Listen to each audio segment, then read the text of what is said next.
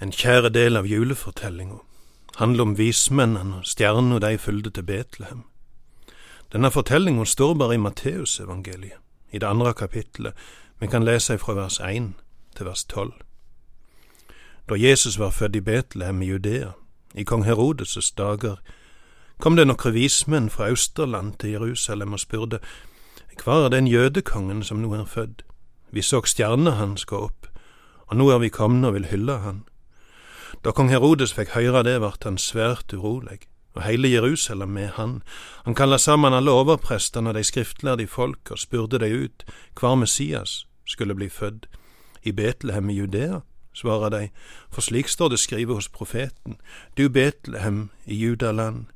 Blant fyrstene i Juda er du slett ikke den ringeste, for fra deg skal det komme en fyrste, en hyrding for mitt folk Israel.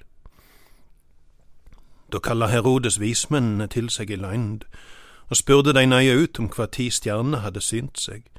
Så sendte han dei til Betlehem og sa, Gå og forhør dykk nøye om barnet, og når de har funnet det, så si fra til meg, så jeg òg kan komme og hylle det. Da de hadde hørt hva kongen hadde å seie, tok de i veg, og sjå stjerner som de hadde sett komme opp, for føre dei, heilt til hun vart stående over staden der barnet var.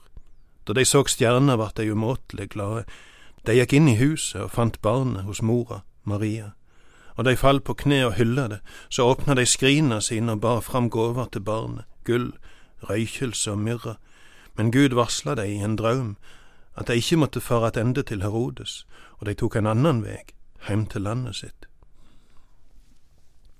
Vi leser at vismennene kom ifra aust, nærmere er det ikke beskrevet. Vi aner at disse vismennene er langveisfarende. Ellers ville det nok blitt spesifisert at de kom ifra nabolandet, øst for Israel.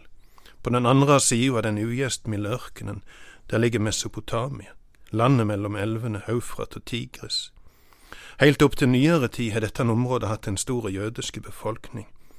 Dette skriver seg helt tilbake til at jødene ble drevne i eksil til Babylon ca. 600 år før Kristus. Noen av jødene fikk høye stillinger med det babylonske hoffet, og når Babylon falt og blei avløst av det persiske riket, finner vi fremdeles jøder som er høgt på strå. Av disse er Daniel i en særklasse, som leder for vismennene til Babelkongen, og seinere den persiske kongen.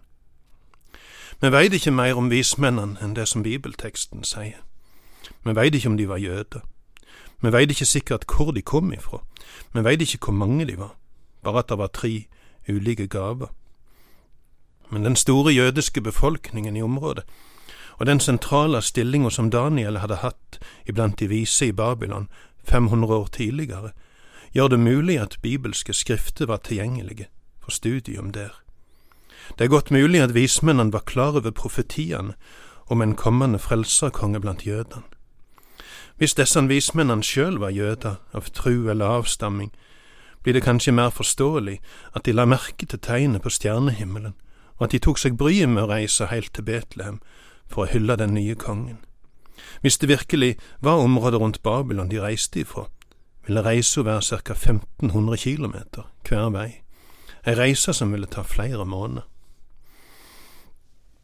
Vi veit ikke så mye sikkert om vismennene, og vi veit heller ikke hva det var de hadde sett på stjernehimmelen. I en verden uten elektrisk lys, i et klima der hver natt var fullstendig stjerneklar, og der det ikke fantes verken luftforurensning eller optisk forurensning, og der folk gjerne sov på taket for å unngå tung og varme luft innendørs, der var folk vant med å betrakte stjernehimmelen. De hadde kjennskap til stjernen, til stjernebildene, og de la merke til planetene sine bevegelser. Vi kan gå ut ifra at det disse vismennene hadde sett, var et komplekst fenomen på stjernehimmelen, en eller annen slags kombinasjon av stjerner, konstellasjoner og bevegelser, som i hop forteller en historie for de som hadde forstand på å oppdage det spektakulære, og som ut ifra kjennskap til de jødiske skriften forsto å sette tegnet på himmelen i sammenheng med profetiene om Messias. Kong Herodes derimot visste ingenting om tegnet på himmelen og trong en forklaring. Dette kan tyde på at det tegnet som vismennene hadde lagt merke til, ytre sett ikke var i iøynefallende, sånn som ei uvanlig klare stjerne en supernova eller en komet ville ha vært. Kanskje handler det på en eller annen måte om bevegelsene til kongeplaneten Jupiter. Kanskje handler det om ei sammenstilling av kongeplaneten Jupiter og morplaneten Venus. De gangene disse to planetene kommer helt nær hverandre, og lys ifra den ene smelter i hop med lys ifra den andre, da danner de den klareste stjerna på himmelen.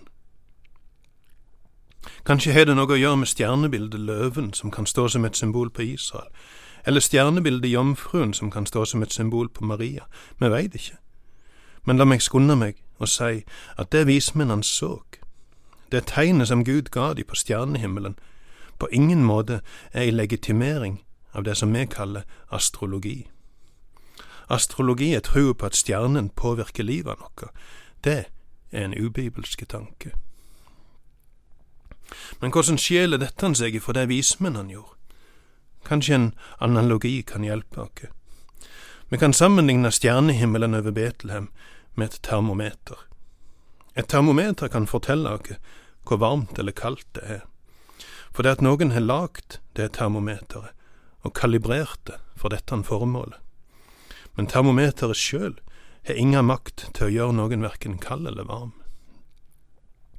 På samme måte skapte og kalibrerte Gud stjernene og planetene ifra tidenes morgen, for at de i nøyaktig rette øyeblikk skulle bære vitnesbyrd om at Skaperen sjøl hadde steget inn i det skapte og blitt menneske.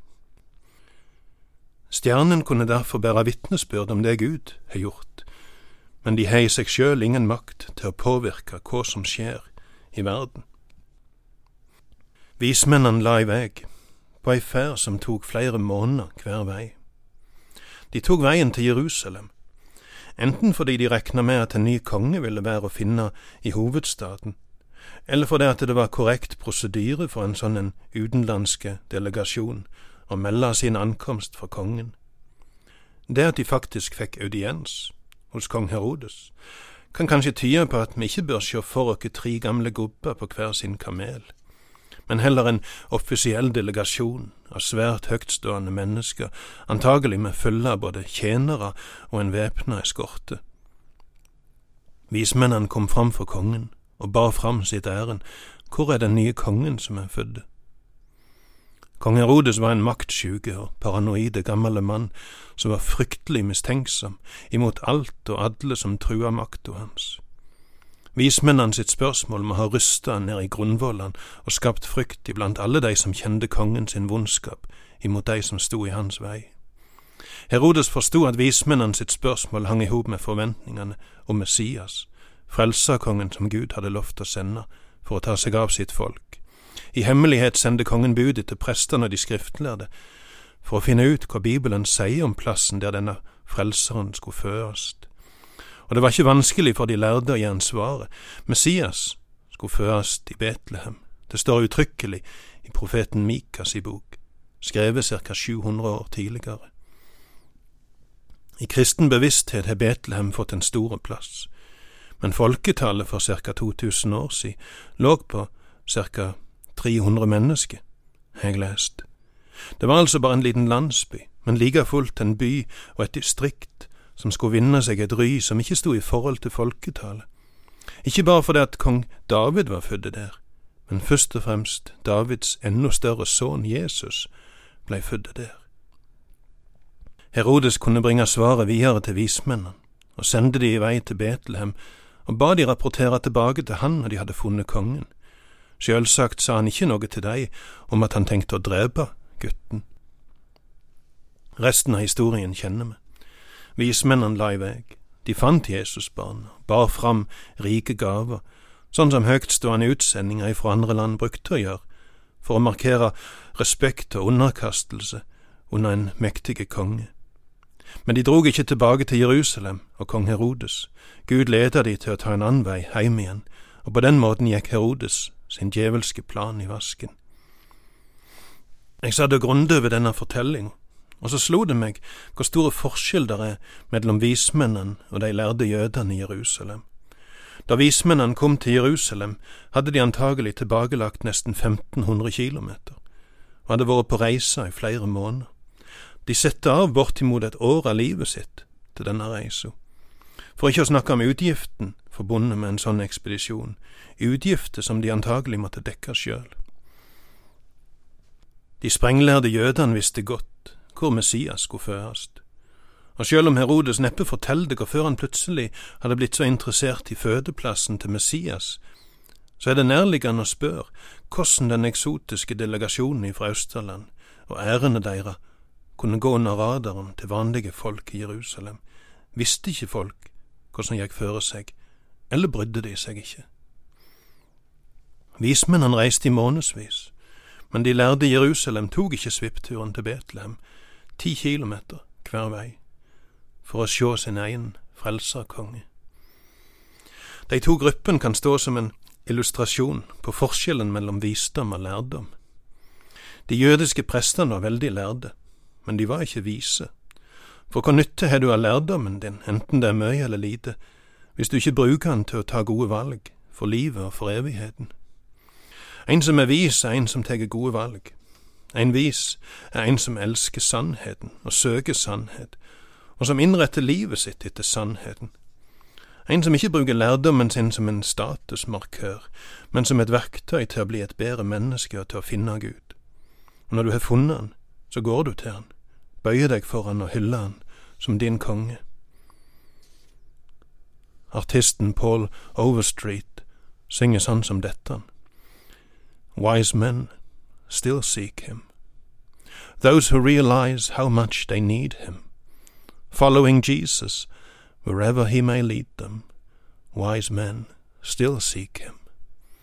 Wise men still seek him.